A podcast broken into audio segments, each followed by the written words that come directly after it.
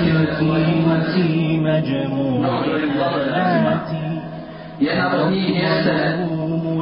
kako nas je upis, opisao u suri Ali Imran kada je kazao Sa'id Billah kuntum khayru ummeti nukhrijat min nas ta'muruna bil ma'ruf wa tenhauna an muke vi ste najbolji ummet koji se pojavio na licu zemarske kule i onda nas je opisao najsavršenijim svojstvom nečim da čega ne može niko od nas da morune bil ma'ruf wa tanahuna 'ala al-munkar vi ste ti koji naređujete da se čine dobra djela a s druge strane odvraćate od hrđevi pošto nas je Allah subhanahu wa ta'ala učinio primjerom i počasnim umetom svim drugim koji su živjeli prije nas govorit ćemo danas o jednom o jednoj pošasti, o jednom poroku koji se zove oponašanje, odnosno ugledanje na nevjernike.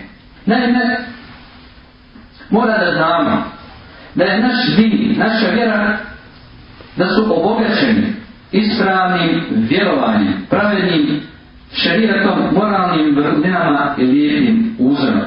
U njemu je sadržana uputa cijelog čovečanstva ispravnom jedinom putu koji vodi kako sadašnjom uspjehu i nagradi tako i budućem uspjehu na onome svijetu. I to je univerzalna vjera, dobro to zapamtimo, koja je podobna za svako vrijeme i za svako mjesto, za svakog pojedinca i zajednicu. Uzvišćeni Allah subhanahu wa ta'ala u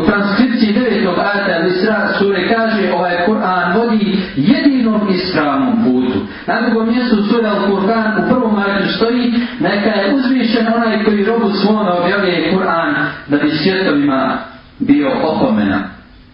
U 107. ajatu sura Al-Anbiya uzvišeni poručuje a tebe smo samo kao milost svjetovima poslali. I znajte dobro da kada su muslimani čusto se držali ove vjere, vladali su svijetom, gospodarili su mnogim zemljama kako na istoku tako i na zapadu. I ispunili što najbitnije znanje po mudrošu i pravom. Postali su uzorne vođe, Uživali su slavu i ugled i ulivali strah u srca njihovih neprijatelja. I bili su neovisni od svega drugog, osim od uzvišenog Allaha subhanahu wa ta'ala i da razljivo su čovečanstvo obasipali raznim vrstama dobra. A sve to s toga što je ova vjera objava od mudrog i silnog i hvale dostojnog koji zna ono što je korisno za svoje robove. U 14. majetu sure El Mulk imamo potvrdu gdje stoji, a kako ne bi znao onaj koji stvara, onaj koji potanko sve zna, koji je o svemu obavilišen.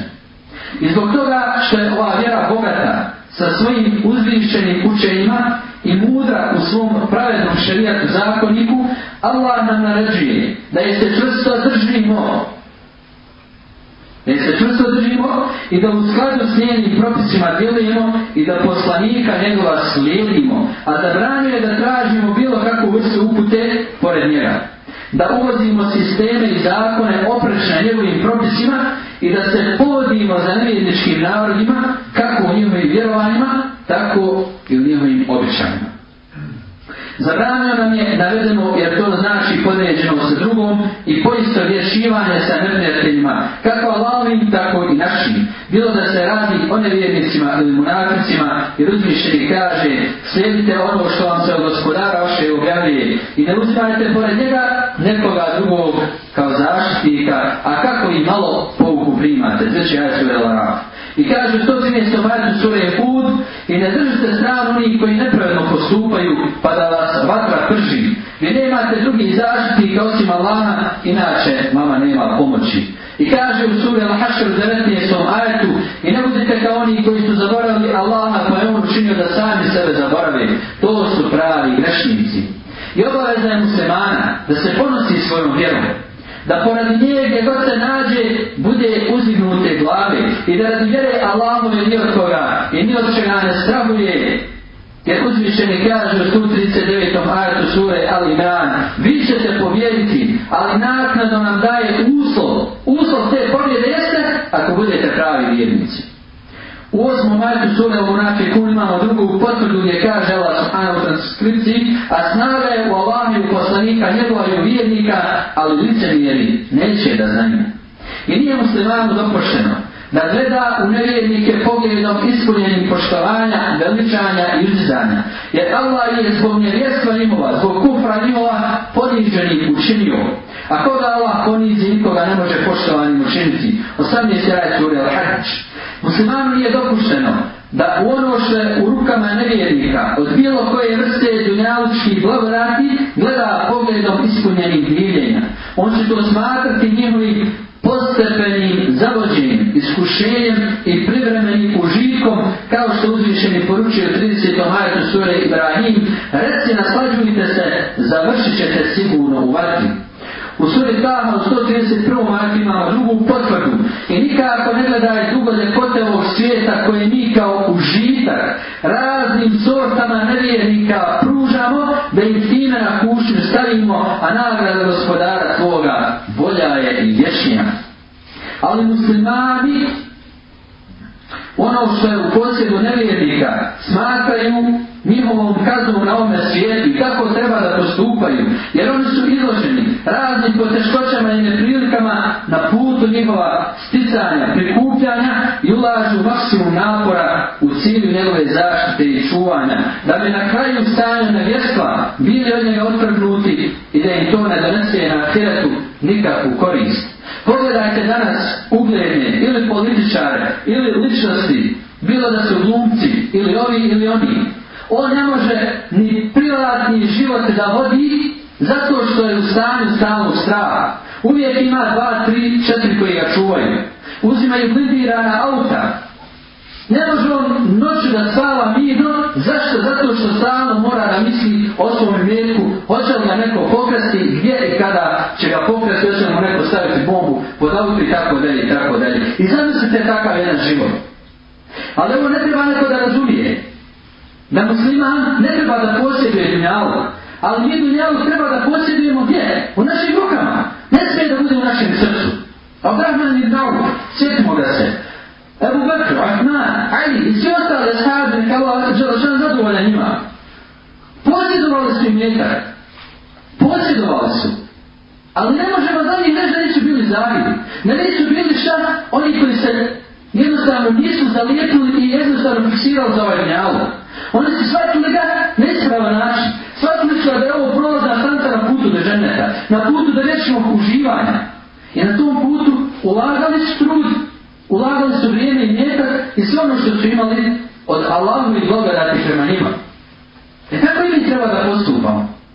A ne da zdravo gledamo onoga koji je iznad nas. Vidi kako ima, vidi kako posjede. Brate, okrenite se i pogledaj onoga koji nema možda danas krišku teba da pojede. I onda ćeš da budeš zadovoljan svojim stanjem.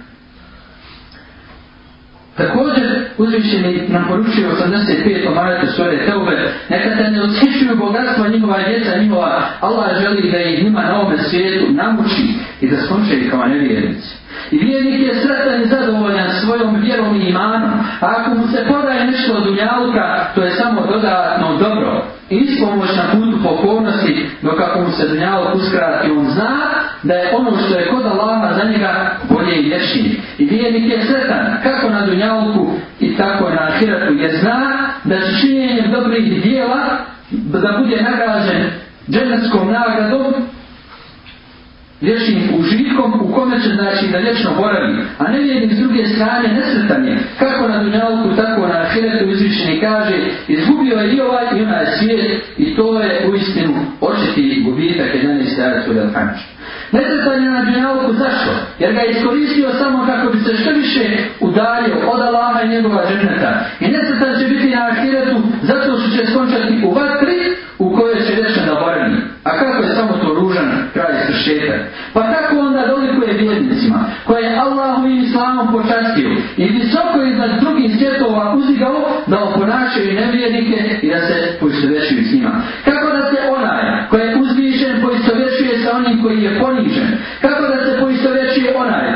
u stalnom usponu s onim koji u stalnom palu i propadanju.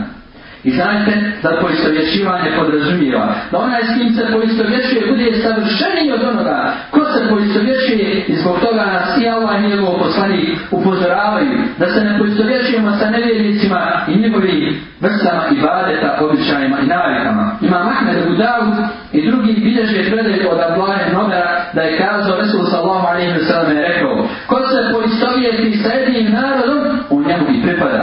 A imam tebnici u svom džanju prenosio je da Allah je nomera iza u Resula sallallahu alaihi wa sallam ne pripada nama onaj ko se poisto vješuje sa drugima i nemojte se poisto vješivati sa jevrejima i kršćanima. Imamo drugi ajet. Jela Subhanahu ta'ala nam daje tačnu definiciju i rješenje kaže ولن ترضى عنك اليهود ولا النصارى حتى تتبع ملتهم. إن جدنا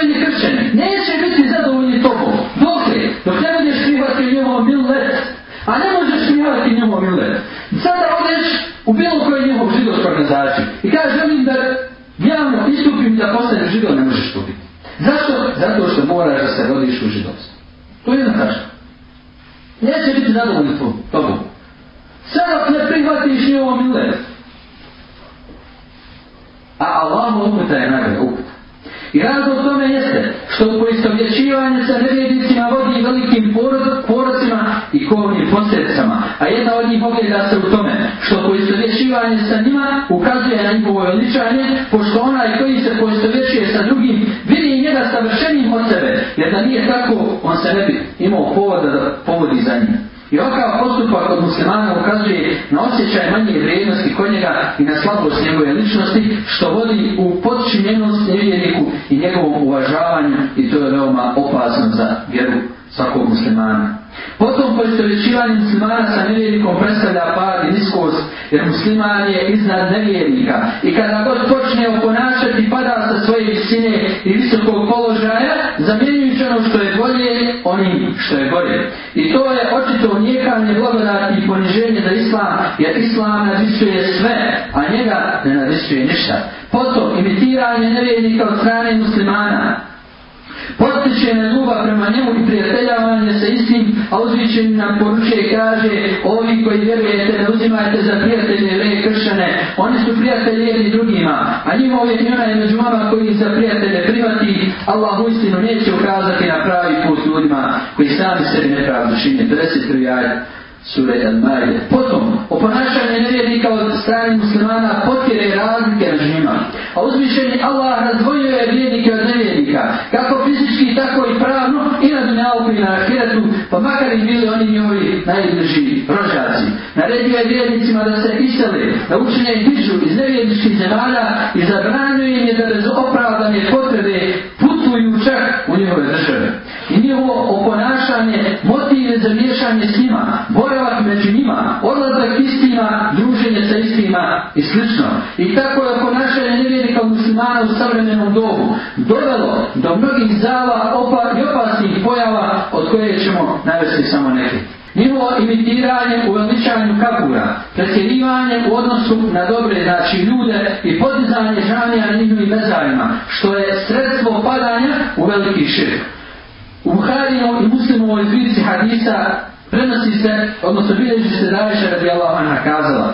Allah ovog poslanik sallahu alaihi wa sallam je u bolesti od koje se nije digao, rekao neka je prokletstvo Allahova na jevrejima i kršenima, oni su kagore vjerovjesnika svojim učinili džamijama, to jeste vjesima za obavljanje molitve. Na nije toga kaže da je Ajša, njegov mezar bio bi istaknut i obilježen, ali on je strahovo da se ne pretvori u mesvid. I nisu danas nepoznati prizori velikog širka u koje su zapali neki sredbenice u umetan, praksa i oponašanja leja kršćana u vezi s pitanjem odličanja kabura i to se diglo do te mjere u zemljama čak islama gdje se da se znači robuje neko drugi mimo Allaha subhanahu wa ta'ala. Tome možemo dodati podizanje džamija na tragovima vjerovijesnika, dobrih ljudi i prijašnjih poslanika. Pa ako su našli u nekoj knjizi da je neki od poslanika rečemo ili sjedio ili spavio ili klanjao, ili poravio, odmah automatski na tom mjestu dođu i podignu e, kabur ili neko mjesto gdje će vršiti i vlade nekom drugom pored Allah subhanahu wa ta'ala.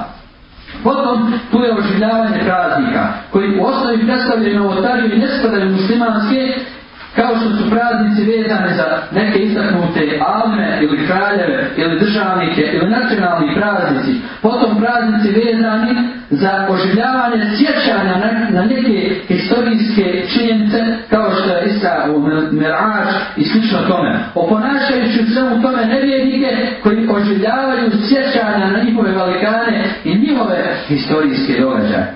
A oni to čine iz razloga što im nedostaje ispravna vjera kojom bi popunili svoje slobodno vrijeme. Ali muslimanima je to nepotrebno jer im je Allah podario din koji popunjava njihovo vrijeme hajrom i investira njihovo vrijeme u dobro. U zabranjeno ponašanje spada i upotreba njegovog jezika bez neke nužne potrebe.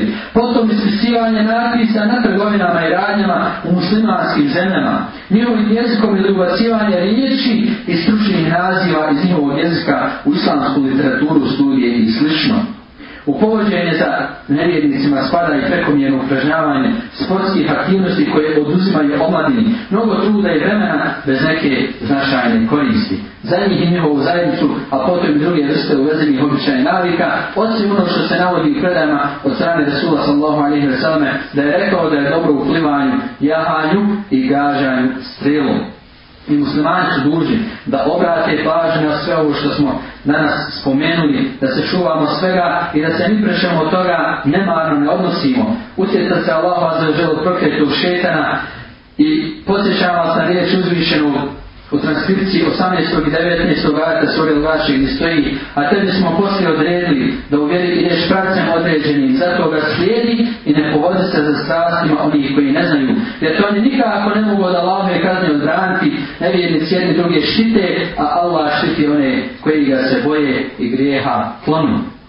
I za kraj jedna veoma bitna napomena, a ona je vezana za kućni odgoj. Draga braća, Radi se o jednoj činjenici da ljudi danas, subhanallah, žele da imaju potomstvo. Međutim, ne žele da brinu o tom potomstvu ne bi se zvao kućni odgoj da se on može stići u nekoj kulturnoj ustanovi. Jer kulturne ustanove, poput odaništa, osnovno, srednje i više obrazovanja, daju ti samo smijence. Kako i na koji način da se koristiš određenom literaturom, da pronađeš određene podatke, da znaš kako ćeš se ponašati u društvu na cesti među prijateljima, e, poznanicima i slično. To su samo smijence. Međutim, roditeljski odgoj daje se u kući. I moramo dobro povesti pažnju. Vidimo danas, okruženi smo jednim, jednim znači, svjetskim događajem gdje naša omladina, naša lus, želi na bilo koji način da se povodi putem oblačenja majica, putem oponašanja njihovih izraza, pokreta, šta ti ja znam, nečega što oni vole, jednostavno žele da, bude, da budu jednostavno poput njih što je znači neispravno, jer boja se da tako dijete neće imati onaj temelj koji će ga poslije potaći da ide sam u mrči, da zna za Allaha, da zna za Allahovu kuću i da zna za muslimane i da zna za potrebe muslimana. Zbog toga prenešite svima onima koje poznajete da povedu dobro brigi, pardon, da povedu pažnju o omladini, jer on su naša budućnost, na njima svijet ostaje, i ako imadnemo zdravu, ispravnu generaciju koja će obožavati Allah subhanahu wa ta'ala na ispravan način, Allah i to je hajr. Jer dobro odvojeno djete, kao što se navodi u hadisu, koji čini dobu svome roditelju, znajte da ćemo to naći na sudnjem danu. Pa će čovjeku, kaže, biti podignuta dereža, pa će pitati gospodara čega ovo, kaže, radi Dole koju je činilo tvoje drugo djete na dunjalku, znači dok je bilo živo.